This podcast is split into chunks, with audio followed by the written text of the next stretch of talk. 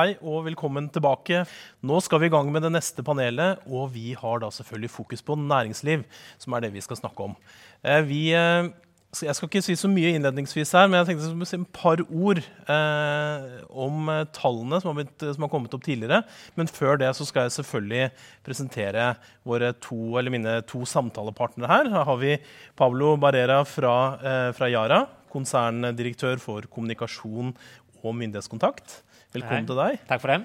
Eh, og så har vi Wenche Grønbrekk eh, her. Hun er global leder for bærekraft i, eh, i Cermaq. Og kan jo avsløre det at du også er da styreleder i UN Global Compact. Eh, men det er ikke derfor du er her nå. Nå er det for å snakke om på vegne av, av Cermaq og fiske. Nå er det sjømat som står på agendaen. Det mm. stemmer.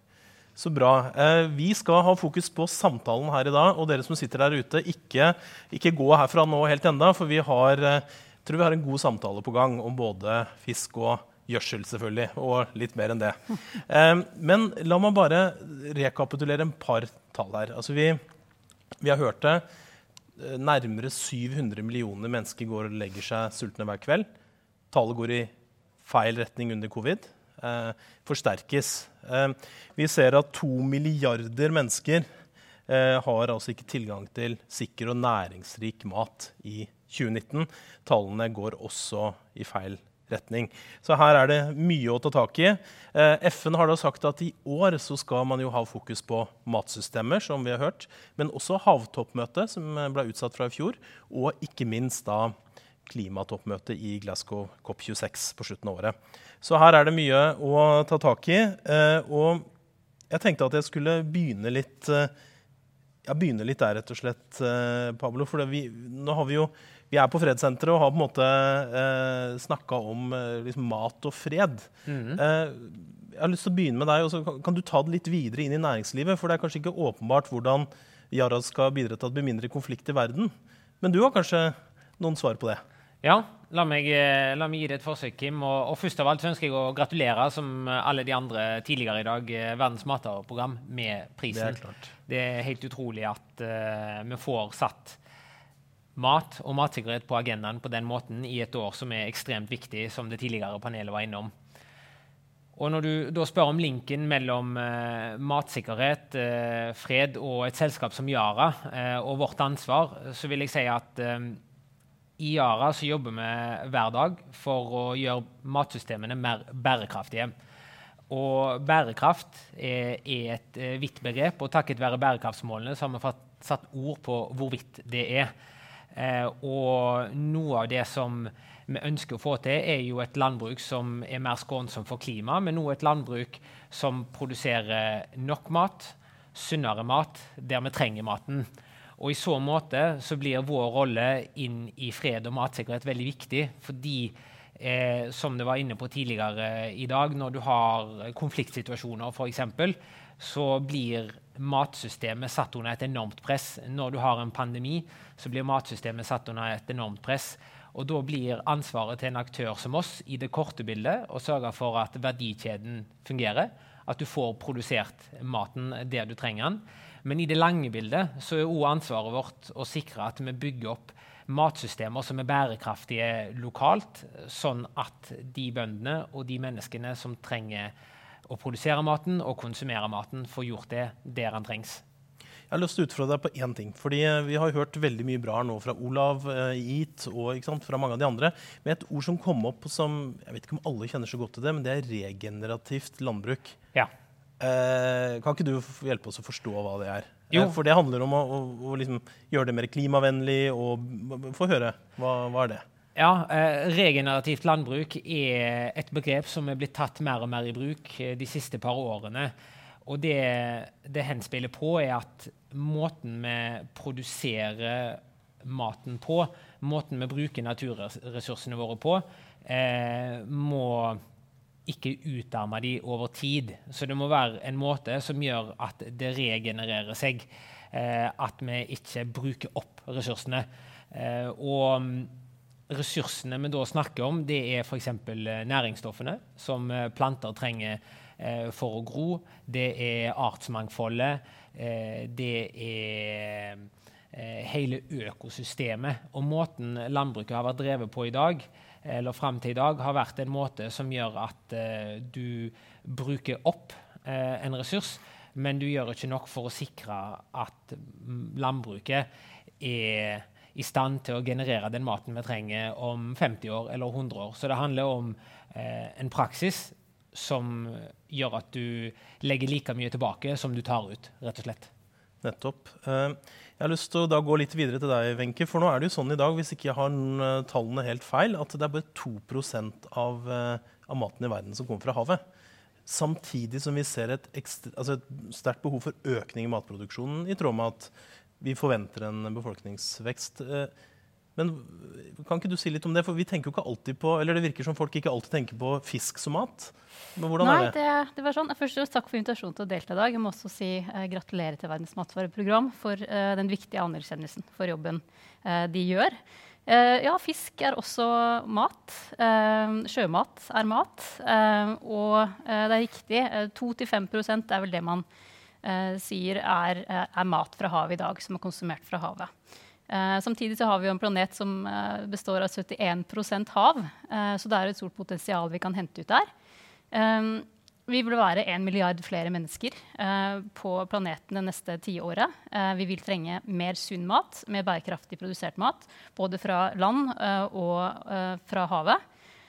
og sjømat vil jo spille en, jeg, en, en, viktig rolle fremover.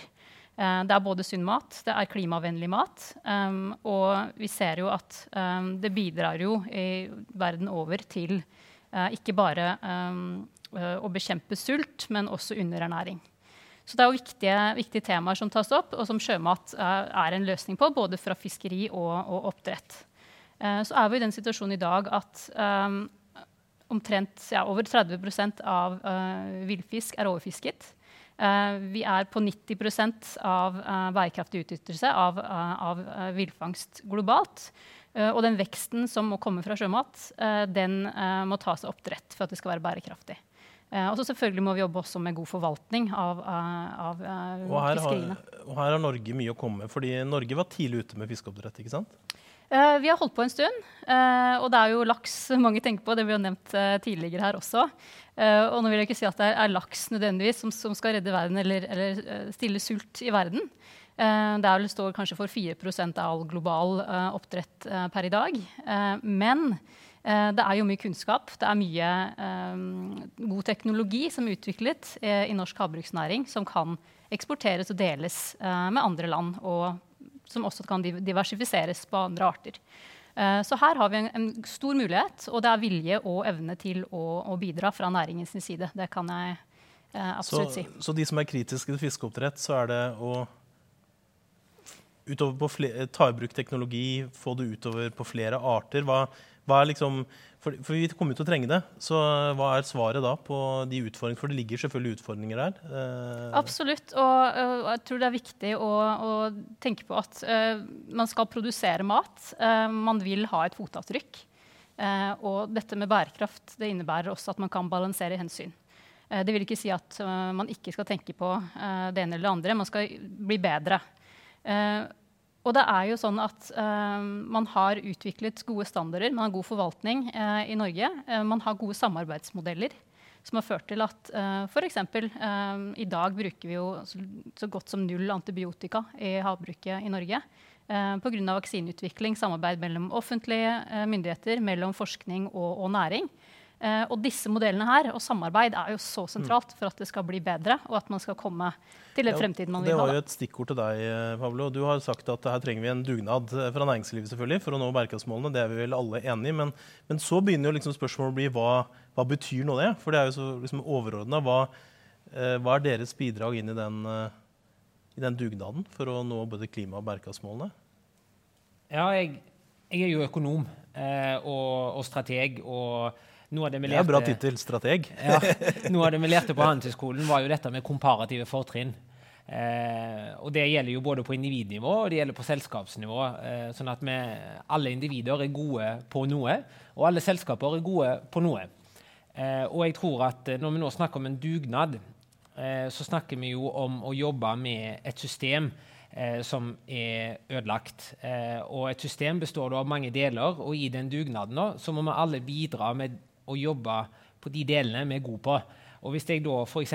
tar oss eh, i Yara som et eksempel, så er vi gode på kunnskap rundt hvordan dyrke mat. Eh, hvilke næringsstoffer maten trenger, hvordan du kan gjøre det på en regenerativ måte, der du bruker nøyaktig de næringsstoffene som trengs, verken mer eller mindre. Der du bruker en praksis som er mer skånsom for naturen, for artsmangfold osv. Eh, og der vi tar den kunnskapen og bringer den til bøndene gjennom digitale kanaler. Der har vi vår styrke. Vi kjenner kanskje det som skjer på gården, best av eh, kanskje alle aktørene i vår sektor, vil jeg si.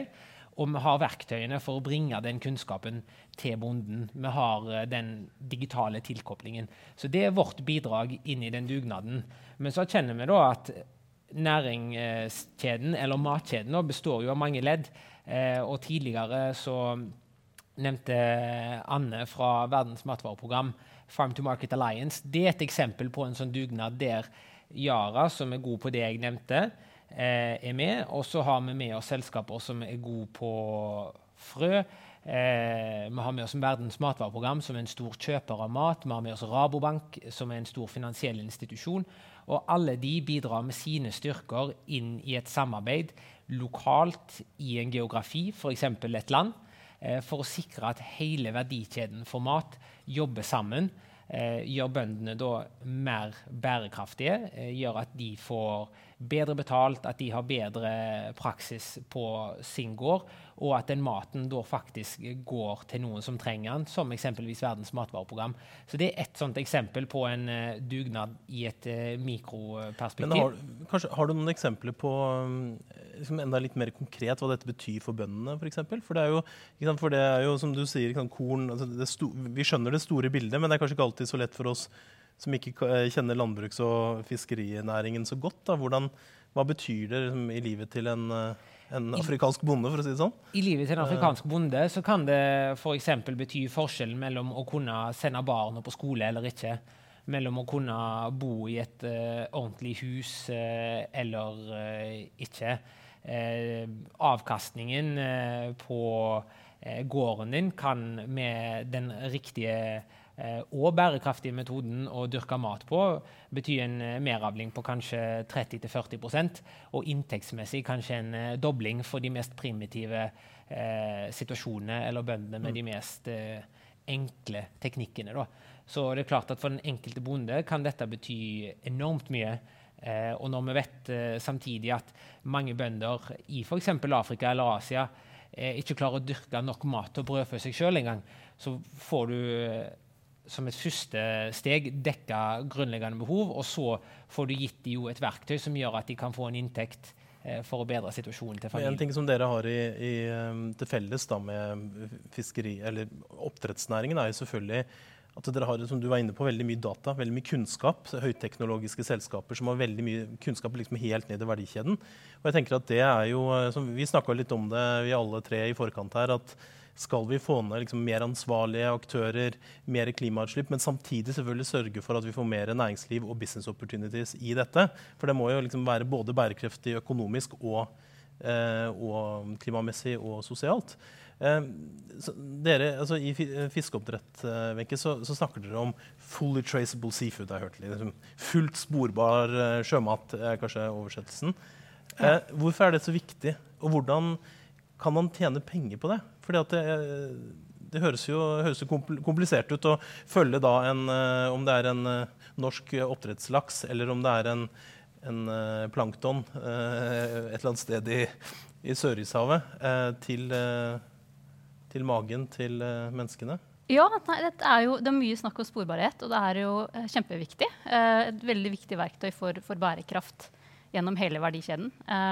For laksenæringen og for oss er jo det viktig for at man skal uh, ha tillit til at ikke bare fisken, som man kan spore ganske enkelt i, i vår næring, fra mæren til, til tallerken, men også at man kan se på fôringrediensene helt tilbake til hvor uh, de marine ingrediensene, da, eller de vegetabilske eventuelt, kommer fra. Eh, så det handler jo om å sikre bærekraft. Det handler om eh, å sikre at man ikke bidrar til f.eks. overfiske eh, gjennom de innkjøpene man gjør på fôr. Um, og det, det, er også at, uh, at, de som da skal spise fisken, uh, vi som står her, uh, har tillit til at dette er en, en matvare vi kan spise med god samvittighet. Eh, så det er jo, altså den verdikjedetankegangen der er kjempeviktig for bærekraft i matvaresektoren. Og dette er noe som, som både Yara og Sarmak og, og, og, matvarebransjen generelt jobber mye mye med, uh, hvor det skjer mye spennende nå. Ja, for Her ligger det mange forretningsmuligheter for å komme nye produkter, nye tjenester osv. Eh, kan ikke du gi noen eksempler der, Wenche? Noen eksempler på hva er det som for her, altså, Hvis vi antar at Norge ligger i forkant hvert fall på eh, noen av disse områdene, så, så, vil det jo være muligheter her å, å, å også tjene penger på det samtidig som man gjør verden bedre. Og det er jo ikke noe som er så, så bra som det, er det vel? Nei, altså jeg vil jo si at uh, bærekraftig uh, havbruk altså det, det, det, går jo rett på bunnlinjen hvis man ikke oppfører seg ordentlig og ikke, ikke drifter bærekraftig. Uh, man lever av rent hav, man lever av at fisken har det bra. Eh, så det, så det er, den økonomiske argumentet her er veldig, veldig tydelig. Eh, så, eh, så er det jo da det som går på å både bidra til at en som selskap og som næring blir bedre, men også at man kan lære av andre. Og der tenker jeg sånn samarbeidsplattformer som UN Global Compact for eksempel, eller Seaboss, som vi er med i. Uh, som er verdikjedesamarbeid, ti av de største sjømatselskapene i verden, for å virkelig sette standarden og løfte standarden for uh, hele bransjen. Uh, denne type samarbeid tror jeg vi vil se enda mer av fremover. Og de er kjempeviktige for at vi skal nå da, den fremtiden og det, det matvaresystemet vi å, hvor vi ønsker å være da, i 2030, med både sunn og bærekraftig mat. Ja, for det, det, vi jo ser at det er stor interesse for det arbeidet vi setter i gang i Norge nå med en, det vi kaller for en løsningsplattform for, for, mat. Hvor vi da ikke bare snakker om matproduksjon, men hvor det er et større bilde. og hvor hvor aktører som, som dere selskaper har vist stor interesse. Eh, nå har vi ikke hatt kickoff ennå, så vi får se hvor vi, eh, hvordan det blir og hvem som blir med til slutt. Men, men jeg tror det også eh, måtte tvinge fram noen av disse løsningene på tvers av området. Og det, det, leder meg egentlig litt til eh, eh en, en, god diskusjon med eh, generalsekretæren i Bondelaget. Som det er ute en podkast, altså podkasten Dabelia og Young Global Compact kom ut i dag med henne som gjest. Eh, det er spennende. Hun snakker om da, primært norsk kontekst, da, men bruken av kraftfôr. Hvis eh, jeg ikke husker feil, så er det ca. 70% av kraftfôret som blir importert, går til fiskerioppdrett, og den andre 30% går til landbruket. Så, så, da er det jo spennende å høre da, hvordan kan landbruket og, og fiskerinæringen samarbeide, Pablo? Eh, hva kan dere lære av hverandre? Eller? Ja, jeg tror eh jeg tror det er flere ting. Eh, F.eks. Når, når det gjelder kraftfôr, så, så, tror jeg at en, en, del ting vil trenge omstilling. Og der jeg ser en umiddelbar gevinst, er jo fra landbruket sitt perspektiv å, å sikre at det det kraftfôret som produseres gjennom eh, landbruket selv, at det gjøres på en mest mulig bærekraftig måte. Så det tenker jeg at det er liksom en sånn eh, quick win. En bruker jo soya og andre ting, og det å sikre at det eh, gjøres på en riktig måte, det er en eh, lavthengende frukt.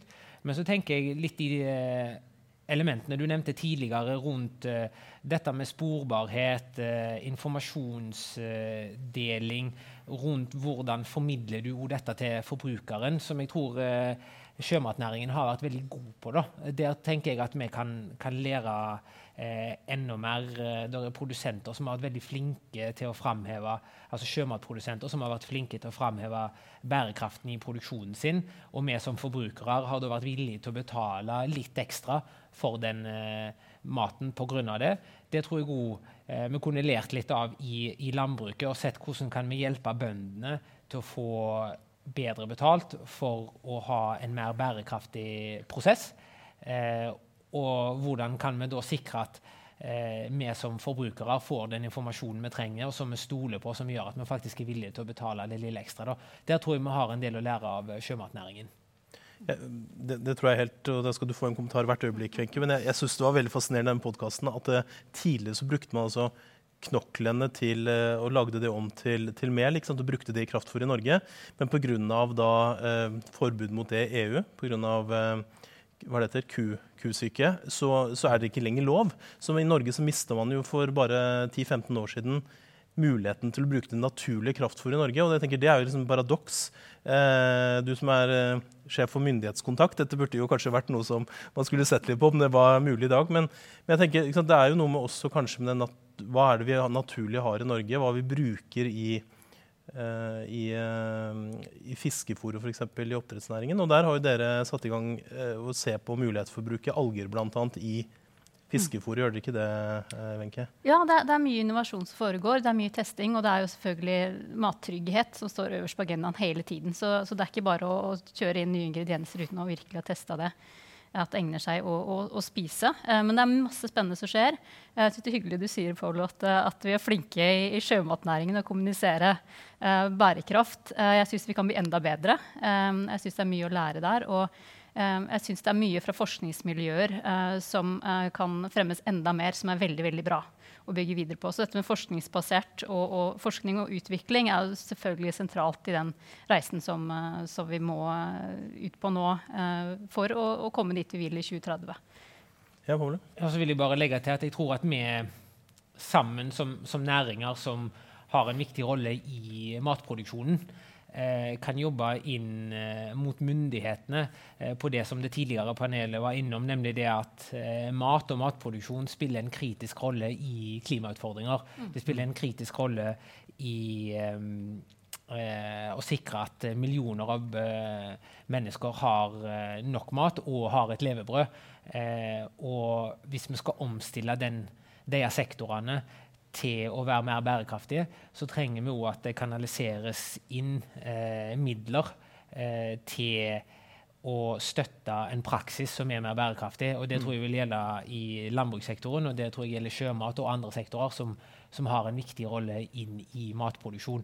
Og Der tror jeg at eh, vi ser at uh, det kommer mer og mer ambisjoner rundt å få en mer bærekraftig matproduksjon på tvers av uh, mange sektorer. Men jeg savner fortsatt uh, uh, tydelige signaler fra både globale myndigheter og nasjonale myndigheter på, på hvordan de skal jobbe med å mm. insentivere at det faktisk skjer. Jeg synes Dette er jo et spennende punkt. Altså, det er jo bra selvfølgelig at i klimameldingen som kom nå, så, så er, det, uh, er, det, jo bare én klimaavtale med en sektor i Norge, og det er med landbruket. Mm. jeg tenker jo Det er jo bra for landbruket. Det er ikke godt nok at ikke, ikke, ikke vi har flere sektoravtaler som mange andre land nå har på plass, hvor man får den dialogen da med de enkelte eh, lands myndigheter. selvfølgelig, hva skal det private... Altså, vi må dele regninga. Her må begge, både offentlige og private bidra.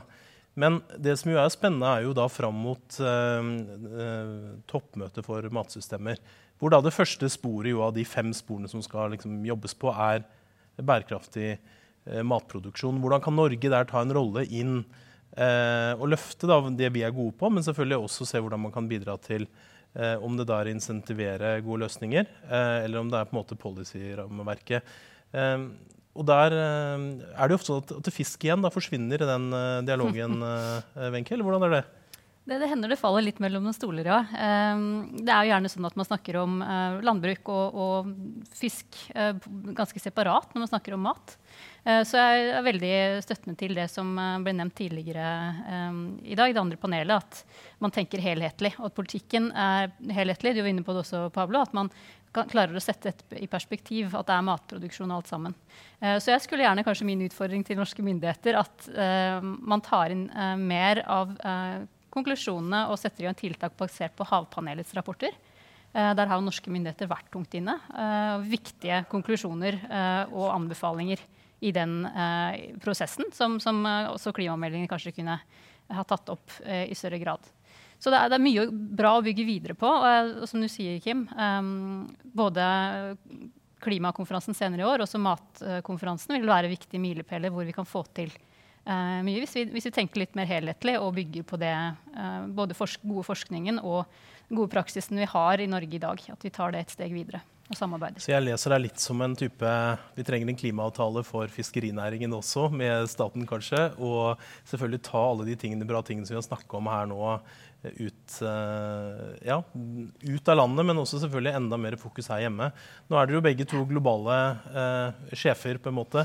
Så har dere noe du vil legge til til slutt? Dere har et eh, minutt hver før vi snart skal få da Kjersti tilbake igjen her for en liten eh, sluttdiskusjon mellom oss to. Eh, Pablo, vil du liksom, hva er appellen til de som sitter og hører på der ute? Uh. Nei, jeg tror, eh, jeg tror vi har vært innom eh, veldig mye eh, i løpet av eh, den siste timen. Og det, det jeg kanskje har lyst til å avslutte med å si, er at jeg tror vi har veldig mange av løsningene. Så jeg tror, jeg tror ikke det er sånn at vi må finne opp en revolusjonerende teknologi, eller uh, vi trenger masse ny forskning. Jeg tror at uh, i landbrukssektoren, som jeg er veldig engasjert i, uh, og i, i havbruk som sikkert òg, så har en veldig mye av brikkene som skal på plass. Men vi kommer fra en historie og fra noen år der vi har vært vant til som næringsliv til å jobbe veldig silobasert. Og nå tenker jeg eh, det er på tide å bruke mm, bærekraftsmål nummer 17 eh, og virkelig jobbe i partnerskap. Og tilbake til det jeg var inne på, da, bruke det vi er gode på. Så, sånn at vi som eh, næringslivsaktører blir enda bedre på å tenke hva er vi gode på, og hvordan kan vi bidra med det inn. Og jeg tror at eh, for oss så er vi gode på eh, løsninger, eh, og vi er gode på å jobbe on the ground med bøndene. Og så trenger vi med oss de som er gode på resten. Wenche? Jeg støtter det du sier der. Altså det, vi har så mye bra å bygge på nå. Og igjen, Havpanelets rapporter sier jo det samme, at eh, vi kan faktisk produsere seks ganger mer mat fra havet eh, i 2050. Uh, og det neste tiåret kan vi gjøre det på eksisterende teknologi. Så, så vi trenger ikke finne opp hjulet på nytt. Vi trenger ikke bare tenke nytt og, og, uh, og, og ja, se, se langt fremover. Det, det viktige er at det beste ikke blir det godes fiende, tenker jeg. At vi eh, alle er med på den overgangen nå. At vi er med på å dele kunnskap, eh, finansiering, eh, slik at vi faktisk kommer fra, fra der vi er i dag, til hvor vi vil være. Så igjen, eh, bærekraftsmål eh, 17 eh, på partnerskap, veldig viktig. Da er det jo bare å si tusen takk til at dere kom begge to. Og selvfølgelig eh, rungende applaus fra det store publikum som alle der ute kan se for seg at vi har. Eh, vi kommer nå til å få en liten prat mellom Kjersti og meg her til slutt. Eh, en av tingene vi skal ta med oss, er at eh, ja, et større samarbeid mellom landbruk og, fiskerisektoren er en av de satsingsområdene vi i UN Global Compact kommer til å ha som en del av matplattformen som jeg nevnte i stad, løsningsplattform for mat. Hvis du har lyst til å finne litt mer informasjon om det, er det bare å sjekke ut globalcompact.no. Og selvfølgelig podkasten om Fremtidens næringsliv, denne gangen nå med generalsekretæren i Bondelaget, som ligger på fremtidensnæringsliv.no. Men da, Kjersti, er du tilbake igjen. Fit Ja. for fight. Hei, Kim. Hei. Dette har Hyggelig å se deg. I like måte. Og i person. Ja. Fysisk. Ja, Ja, Dette har jo gått fint. det har det. Ja, Bærekraftsmål 17. Vi har jo et lite partnerskap her i dag eh, på denne kickoffen. Og eh, jeg vet ikke med deg, men, eh, men jeg må jo si at uh, jeg syns dette her har vært uh, veldig inspirerende. Eh, vi har, vi, det er ikke enkelt, dette her. Eh, det er eh, ganske mange utfordringer. Eh, Anne fortalte hvordan, eh, hvordan de strever med å å, å nå frem til alle som eh, sulter. Og eh, vi har hørt mye om klimautfordringene og alt, hvordan dette er koblet sammen. Samtidig så ser vi jo eh, har vi hørt mye om løsninger òg. men skal man få til endring, så må man vite, og så må man ville, og så må man gjøre. Så hva tenker du etter uh... Altså, jeg, jeg tenker jo, liksom, som du sier, Vi er jo vant til å først snakke om det som ikke går så bra, og så vil vi gjerne snakke om det positive etterpå. Det er så vi liksom kommer ut av det. Og jeg, jeg, tror jo at En av tingene som vi har blitt sitert på flere ganger nå, og mange andre med oss, er jo at korona på en måte akselererer det grønne skiftet.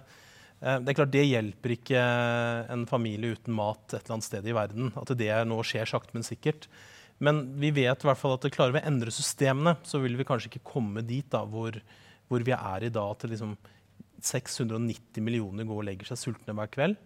Eh, og at eh, tre, altså tre millioner barn under fem år, er anslaget fra Verdens matvareprogram, dør da av relatert til underernæring hvert år. Eh, og det er klart det er mye høyere enn de fleste andre barnesykdommene vi, vi ser på. Så Og så går det an å gjøre noe med det. ja, så går det jo ganske enkelt an å gjøre noe med det. Det er jo det som er så fortvilt. Eh, men jeg, jeg tenker at her eh, må både næringslivet, som vi hørte fra her i dag, men selvfølgelig også myndighetene spille en eh, viktig rolle. Så vi har jo eh, vi har startet et lite løp nå. Vi har det. vi skal eh, ha fokus på dette temaet sammen med Verdens matvareprogram og andre aktører eh, som en feiring av eh, eh, fredsprisen til matvareprogrammet. Og har lyst til å løfte opp dette og alle disse forskjellige gjennom ulike virkemidler. Som jeg sier. Um, utstillingen vår er ett virkemiddel, og det kommer til å bli utviklet mer ettersom vi får lov å åpne opp igjen. Uh, men her er det mange ting, og jeg gleder meg til uh, å diskutere videre med deg. Ja, for vi, du, du, ga en liten sånn snikfølelse på begynnelsen her, hvor du sa at ja, kanskje vi bør se på Norges mandat i Sikkerhetsrådet, eller arbeid i, Ja, i Sikkerhetsrådet. Har, Eh, så det er mange ting vi kan trekke opp her. tenker Jeg Jeg ble veldig inspirert av mye av det som ble sagt. Så jeg vil jo også eh, oppmuntre alle dere som har fulgt med dette her. Er det ting og temaer dere har lyst til at vi skal gå mer i dybden, så kom og send oss en eh, melding. Eh, for dette har vi muligheter til å gjøre mye gøy ut av. Eh, mye interessant. Eh, jeg har i hvert fall lyst til å vite mer og lære mer eh, utover, utover dette året, så vi kan bruke momentumet og bruke alle disse møtene også. Så kanskje vi kan spille opp til noe. Den siste kommentaren min må jo være at hvert fall som det ser ut fra UN Global Compact Norge, da, så syns vi det er spennende å se på selvfølgelig næringslivets rolle videre også, utover det vi har snakket om i dag. Men også da eh, denne arbeidsgruppa som Norge leder i Sikkerhetsrådet på barn i væpnet konflikt. Hvor vi, altså det er i hvert fall to knagger. Eh, men nå skal du få lov å, å, å nærme oss slutten av eh, Ja, jeg, sk jeg skal i hvert fall takke alle for, eh, for, de, de, eh, for at de, de kom og deltok her på scenen. Og eh, Anne, for at du var med oss fra København. Eh, dette er ikke siste gangen vi snakker med Verdens matvareprogram om dette. Det har vi bestemt oss for for lenge siden. Og forhåpentligvis så kommer Verdens matvareprogram også til Norge på forsommeren, mai-juni, for å holde Beasley kommer, håper vi, for å egentlig holde det foredraget han ikke egentlig fikk- holdt i desember. Mulig det kunne være en morsom mulighet for å gjøre mer ut av dette temaet. I det hele tatt, uh, dette er ikke, siste, siste ord er ikke sagt. Skal vi si det sånn, Kim? Dette var en bra start. Tusen takk til deg. Eh, og tusen takk for samarbeidet. Det har vært veldig gøy. Så fortsetter vi herfra. Takk til dere.